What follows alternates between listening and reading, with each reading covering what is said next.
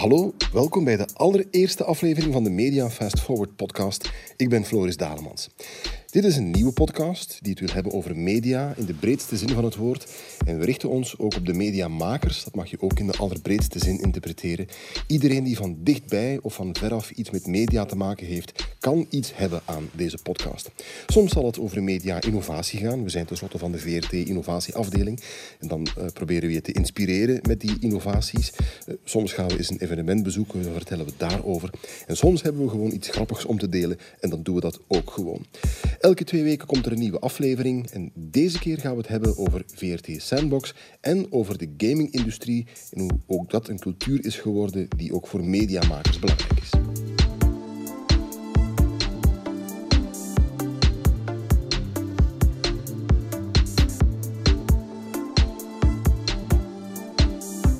Ik ga deze podcast trouwens niet alleen maken. Ik laat me helpen door co-presentatoren die iets te vertellen hebben. En vandaag is dat Fredo de Smet. Dag Fredo. Hi Floris. Jij bent de curator van Media Fast Forward. Dus je gaat ook nu en dan te horen zijn in deze podcast. Wat, wat is jouw curatierol? Wat doe jij als curator van Media Fast Forward? Ja, ik stel eigenlijk het programma samen. Ik doe dat obviously niet alleen. Mag ik obviously gebruiken in deze podcast? Dat mag.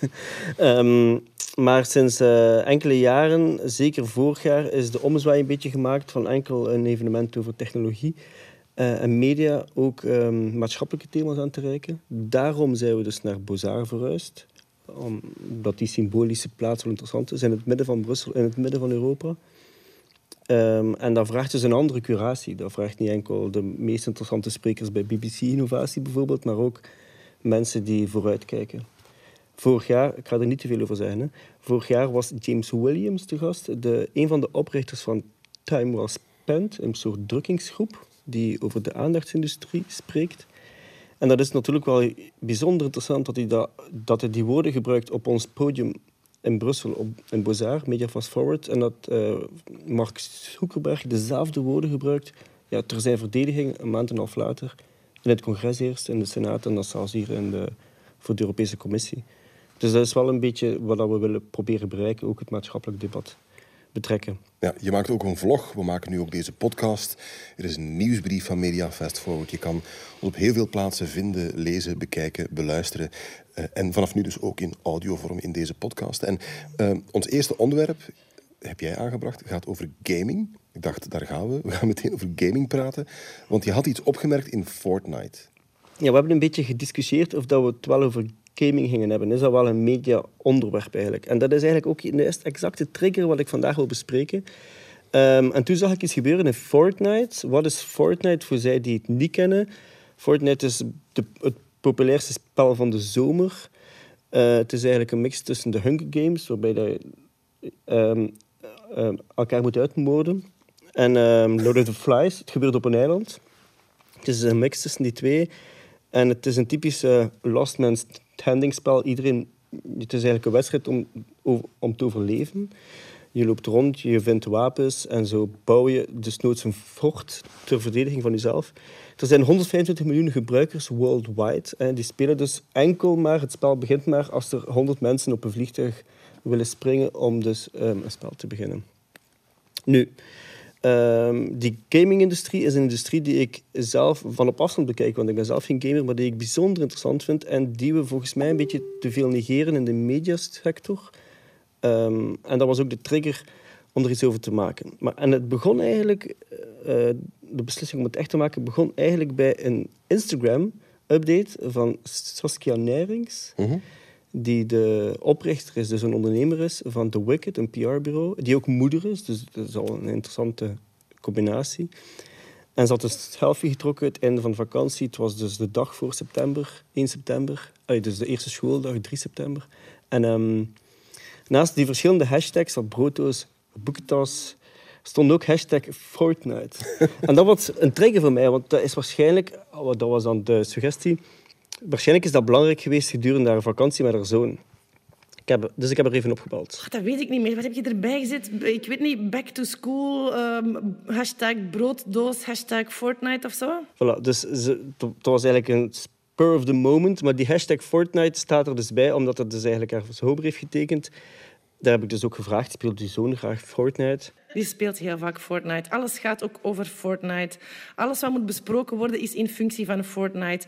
Hoe tof dat zijn vrienden zijn, is ook in functie van wat dat zij weten of kunnen met Fortnite. Mijn zoon wil me dat heel graag leren, maar wordt ook echt heel kwaad als ik het niet rap genoeg kan. En dan wordt er geroepen en getierd, nu moet je deze doen, nu moet je dat doen. En dan weet ik absoluut niet op welke knop dat ik moet duwen. En dan pakt hem dat, die controller uit mijn pollen. Ik zou eigenlijk wat meer moeten meeoefenen, maar wanneer allemaal? Ik sta een beetje aan dezelfde positie als, uh, als haar. Ik bekijk die gaming als een niet-gamer. Ik heb al twee keer Fortnite gespeeld, omdat ik wil weten wat, hoe dat, dat werkt. Maar eigenlijk, uh, wat mij voornamelijk interesseert, is hoe groot zo'n game is. Dat is echt een soort cultuur geworden. En dus ook voor haar, dat gaat niet enkel over dat game, maar over allerlei uh, varianten die erop worden gemaakt. De dansjes die worden geoefend, uh, magazines die worden uitgegeven. Regelmatig komt dan ineens een nieuw, een, een, ja, een nieuw dansje uit. Hè. En dan moet dat, als die ook arriveert op de speelplaats, dan zie je dat die mannen direct samen die dansjes beginnen te doen. Dus die zijn allemaal mee. Die zijn alleen maar daarmee bezig. We hebben ook met een wedstrijd van Fortnite meegedaan, dat we zo'n boxje hebben gezien. Maar die, die kijkt ook, die kijkt ook geen, geen tv niet meer. We zijn nu één serie aan het volgen op Netflix, sorry. Um, maar voor de rest, die, die speelt Fortnite en die kijkt naar YouTubes over Fortnite. En over katten. Ja, dus wat dat betreft was de vraag eigenlijk die... Ik heb nog eens een vraag gesteld, maar zoals al beantwoord. Is Fortnite, is Fortnite belangrijk? Meer als een game voor je zoon? Het antwoord was wel vrij grappig. Jongen, Fortnite is de, de religie van het moment. Beantwoord dat de vraag? Dus eigenlijk is mijn punt hier al gemaakt. We, moeten gaming meer als een cultuurobject leren zien. Religie is misschien wel vergezocht. Toen kwam Greg, onze collega Greg Young, op Gamescom um, een collega tegen van Arte. Dat was nota bene de enige broadcaster die vertegenwoordigd was op Gamescom. Niet om verslag uit te brengen van het congres, zoals je ook doet bij het Autosalon, maar om daar te zijn, actief, om te luisteren wat er gebeurt en om hun eigen producties te tonen.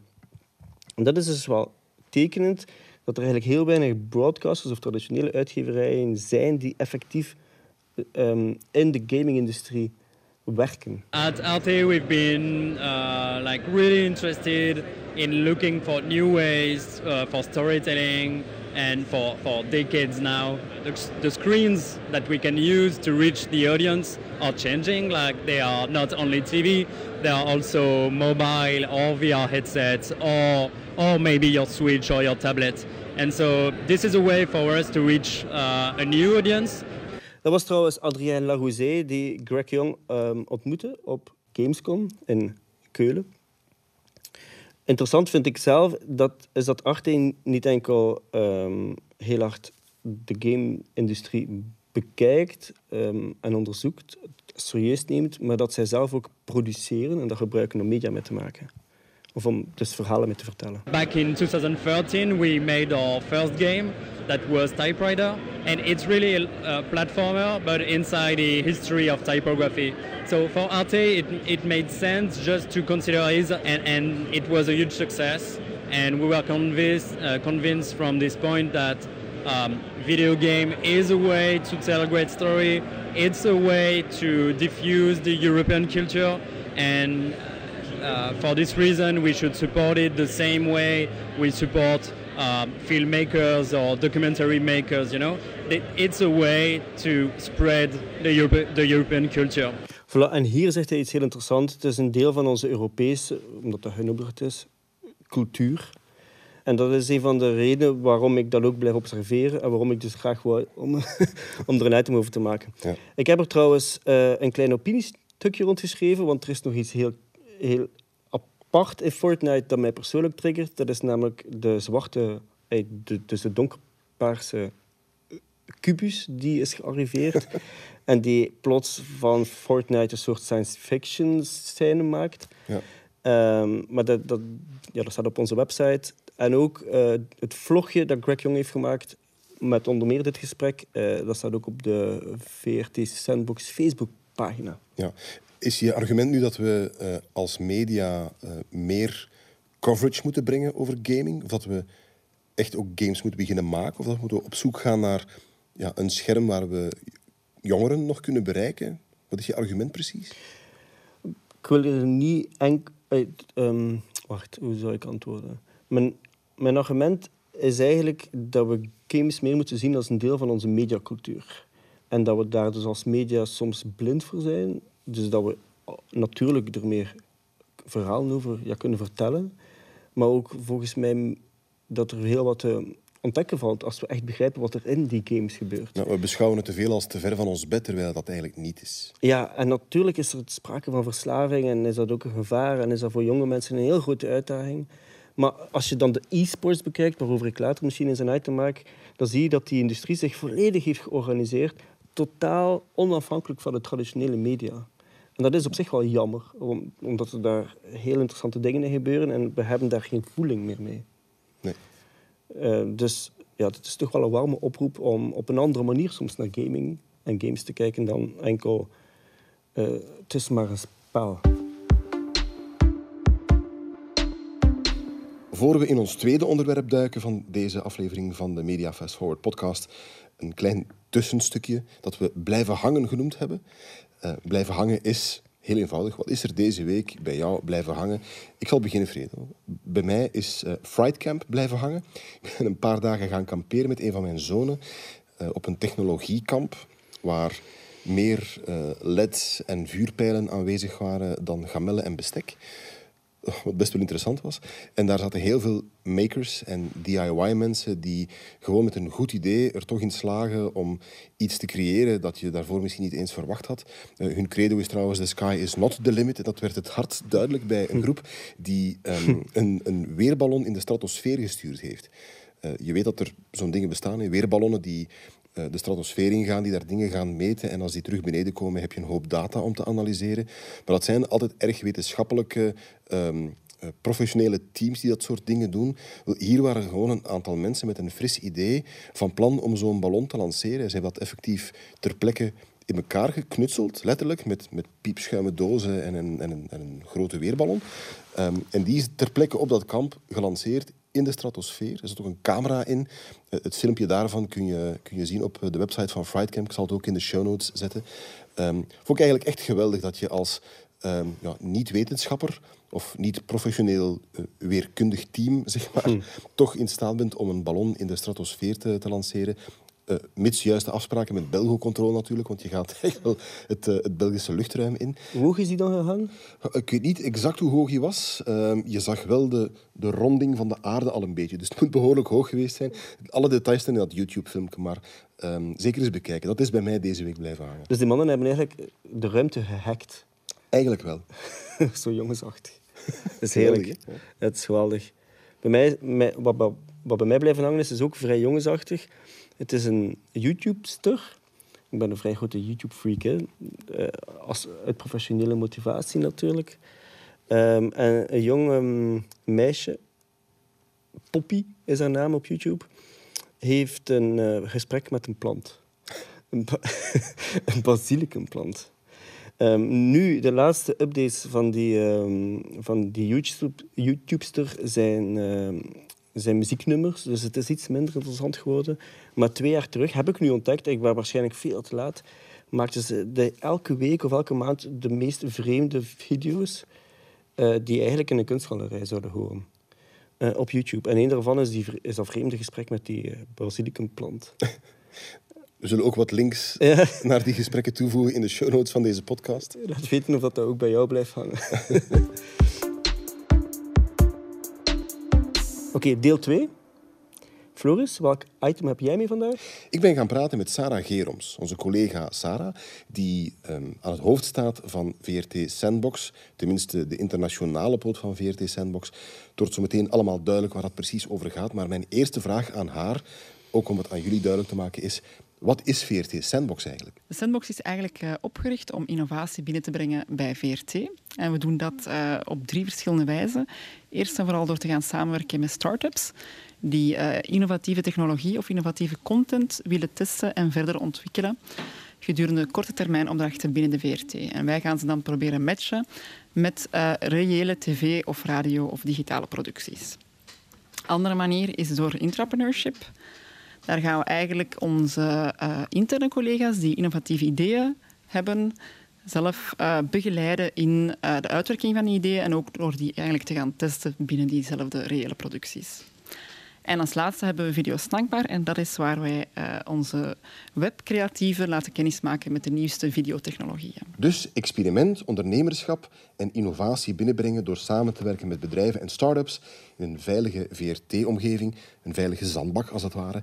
Uh, Sandbox loopt al een paar jaar en is vrij succesvol gebleken. Dat is binnen VRT zeker succesvol. Uh, bijvoorbeeld de start-up-werking doen wij ondertussen een dikke vier jaar en we hebben al meer dan 100 projecten uh, afgerond, succesvol afgerond, waar we eigenlijk ook over communiceren naar de buitenwereld toe. Um, daarnaast het entrepreneurship track is redelijk um, recent. Doen we nu één jaar en we hebben toch al twee succesvolle cases ook afgerond. Ja, een van die cases is Onheard. Dat is een start-up van een van onze collega's bij VRT die een radio play-out systeem ontwikkeld heeft dat op één tablet draait, bijvoorbeeld. Dus dat soort dingen wordt dan uh, ondersteund. Het is niet alleen belangrijk om te doen, maar ook heel belangrijk om erover te vertellen, zo zegt uh, Sarah. Communicatie is een van de belangrijkste elementen van de werking van Sandbox. We communiceren uiteraard intern, maar zeker ook uh, extern. Uh, we doen dit enerzijds op onze halfjaarlijkse Sandbox sessions, waar wij het hele medialandschap uitnodigen zowel nationaal als internationaal, om te komen kennismaken met die nieuwste technologieën, die nieuwste start-ups en dergelijke. Dus voor ons is het heel belangrijk om echt aan open innovatie te doen. Dat wil zeggen dat iedereen welkom is op uh, onze VRT Sandbox Sessions. En uiteraard gaan we uh, terloops ook uh, via social media het nodige communiceren. VRT Sandbox is intussen ook internationaal gegaan, ondersteund door Media Road. Dat is een Europees project, een Horizon 2020-project. Ik vroeg aan Sarah wat dat concreet betekent. Dat betekent dat we het VRT-sandbox-mechanisme, dat dus redelijk uh, of zeer succesvol is gebleken, dat we dat gaan vertalen naar uh, andere omroepen. Concreet wil dat zeggen dat ik uh, Europa in eerste instantie rondvlieg, dat ik ga kijken bij andere omroepen wat er bestaat om innovatie binnen te brengen, zonder die link met ondernemerschap te vergeten. als ze al iets gelijkaardig hebben, dan nodig ik hen uit om deel uit te maken van onze Sandbox Hub. Als zij nog niets gelijkaardig hebben, dan geef ik hen de verschillende um, mechanismen weer die dat zij kunnen gebruiken. Dus dat zijn onze VRT-sandbox-mechanismen, maar ook andere mechanismen. Denk maar aan een BBC-taster die meer op content werkt. Um, dus ik geef hen de verschillende mogelijkheden van wat bestaat binnen de hub. Wij uh, geven hen ook de mogelijkheid om um, ja, die kennis van ons over te nemen. Met andere woorden, we hebben een soort van toolkit gebouwd waar alle processen, alle vragen en dergelijke in, uh, in geschreven staan. Wat is het budget, uh, welke FTE's heb ik nodig en dergelijke. Die delen we met hen, zodanig dat ze eigenlijk niet van nul moeten beginnen, maar alles kunnen kopiëren. Dus we helpen hen in de opstart. Vanaf het moment dat zij ook hun eigen sandbox zijn opgestart, maken ze dus deel uit van die hub. Met als doel om enerzijds innovatieve kennis en um, inzichten en zo verder met elkaar te gaan delen. Maar anderzijds ook om uh, lokaal ondernemerschap um, ja, te, te promoten binnen Europa. Je zou nogthans denken dat er overal ondernemers zijn en dat ze ons daar niet voor nodig hebben om hen daarbij te helpen. Maar dat spreekt Sarah ook tegen. Het valt op dat eigenlijk um, nog niet zo heel veel mensen al die ondernemerschap, of niet zo heel veel omroepen al ondernemerschap promoten binnen hun uh, organisatie. Dus dat ze heel erg zoekende zijn, dat dat is dat ze willen uitbouwen, maar dat ze niet goed weten waar te beginnen. Dus wat dat betreft zeker ook, zeker ook rekening houden met het feit dat wij het al vier jaar succesvol doen. Dat er ook een aantal dingen in staan die niet gewerkt hebben. Dat we dat ook meegeven, wat dat we, best, hè, wat dat we beter niet hadden gedaan of wat dat we anders zouden kunnen aanpakken. Um, wat dat maakt dat voor hen dat eigenlijk wel een goede leidraad is en dat ze die wel gemakkelijk van ons aannemen. En ze hoeven die ook niet vlekkeloos te kopiëren. Ze kunnen heel gemakkelijk er een aantal dingen uitpikken en dat dan aan hun lokale situatie aanpassen. En wij zijn er om hen daarin te begeleiden, moest dat nodig zijn. En daarnaast, zodat ik je even onderbreek, Floris, is het ook bijzonder interessant voor die bedrijven zelf, die dus eigenlijk de toegang hebben tot een gigantisch groot netwerk aan mogelijke klanten, maar ook nieuwe markten. En elke mediamarkt, elk klant heeft zijn eigen, ja, een eigen DNA. Ik, net op onze Slack, eh, eergisteren of zo, schreef ze... De Noorse Media Cube vervoegt onze hub. Dat is zeer goed nieuws, want Media City vertegenwoordigt meer dan 100 mediaspelers in Scandinavië. Ja, het spreekt voor zich dat dat voor een bedrijf, een start-up uit Vlaanderen, vrij interessant is om plots de toegang te hebben ja, dat heb ik haar ook gevraagd of uh, de start-ups waar ze mee werken in uh, Sandbox door die internationale schaal ook meer mogelijkheden krijgen. Er zijn een aantal bedrijven, uh, dus de vroegere start-ups met wie wij begonnen zijn, een aantal jaren geleden, met wie wij nog steeds samenwerken, net omdat wij ook merken dat het voor sommigen van hen moeilijk is om te schalen binnen Europa. En VRT vindt het heel belangrijk om ja, daar werk van te maken. Om hen ook daar weer in te begeleiden en hen toch met een aantal interessante potentiële partners in contact te brengen. Ehm, Voorbeelden daarvan zijn bijvoorbeeld uh, Tinkerlist, denk maar aan uh, Theoplayer um, en zo. Dus we hebben een, lijstje van een aantal van, een aantal van hen die toch al een heel mooi traject hebben, hebben afgelegd en met wie dat wij nu nog gesprekken voeren. En die op dat moment, of op dit moment eigenlijk ook al gesprekken voeren met andere omroepen uit de hub. Dus dat is eigenlijk een heel mooi resultaat na een half jaar dat we toch al kunnen neerleggen. Um, wat dat ook niet onbelangrijk is, is dat wij hen, uh, dus die verschillende scale-ups waar we het net over hadden, en ook de gelegenheid uh, geven om te gaan pitchen op specifieke evenementen die we vanaf nu proberen op maat ook voor hen te kiezen. En dat is een samenwerking dat we met EBU aan het opzetten zijn. Ja, van start-ups naar scale-ups, dat is het, de belangrijkste nieuwe stap zeg maar, in, in ondernemen van, de laatste, van het laatste jaar. Ehm, opstarten is, is goed, daar gaat het ook voor een stuk over. Maar om dan te schalen naar iets wat echt sustainable is op lange termijn en op grote schaal, uh, op Europese schaal, om te beginnen, dat is iets waar, uh, waar de internationale sandbox hubs echt wel bij kunnen, bij kunnen helpen. Um, ik vroeg ook aan Sarah waarom wij dat als VRT eigenlijk doen. Ik denk dat voor VRT het een heel belangrijk doel is natuurlijk dat om, om via die sandbox, maar vooral ook via die sandbox hub, uh, ons uh, lokale ondernemers de kans te geven om verder te groeien. Uh, ik denk dat dat een heel belangrijk is. Daarnaast is het voor ons ook heel, heel opportun om het medialandschap, het internationale medialandschap te tonen dat wij als VRT eigenlijk dat netwerk trekken en dat wij toch erg relevant zijn, zonder daarbij te vergeten dat wij kleinere, kleinere omroepen ook die kans geven om gelijkaardige zaken te doen. Dus, en, en Uiteraard hebben wij ook niet alle antwoorden, dus is het voor ons belangrijk om ook van onze collega's te leren. En vandaar ook het, het, uh, het uitwisselen van informatie en die kennis. Theoplayer, waar zij naar verwijst, um, las ik onlangs een heel mooi artikel in de tijd. Um, en uh, er passeerde ook nieuws dat zij een substantieel bedrag, bijna een miljoen denk ik, hebben opgehaald om bij, als subsidieregeling trouwens, um, om te doorontwikkelen op artificiële intelligentie. Ja, ja. Maar dat dan natuurlijk weer interessant is voor ons ook, want die zitten in ons netwerk en dat leidt altijd tot een groter inzicht. Ja. Ik moest van Sarah nog meegeven, als je interesse hebt als ondernemer om samen te werken met VRT in de sandbox of te kijken wat de mogelijkheden zijn van eh, de internationale sandbox hubs, dat, uh, dat je zeer welkom bent. Neem gerust contact op met de eh, VRT Sandbox en dan staat Sarah je met plezier te woord.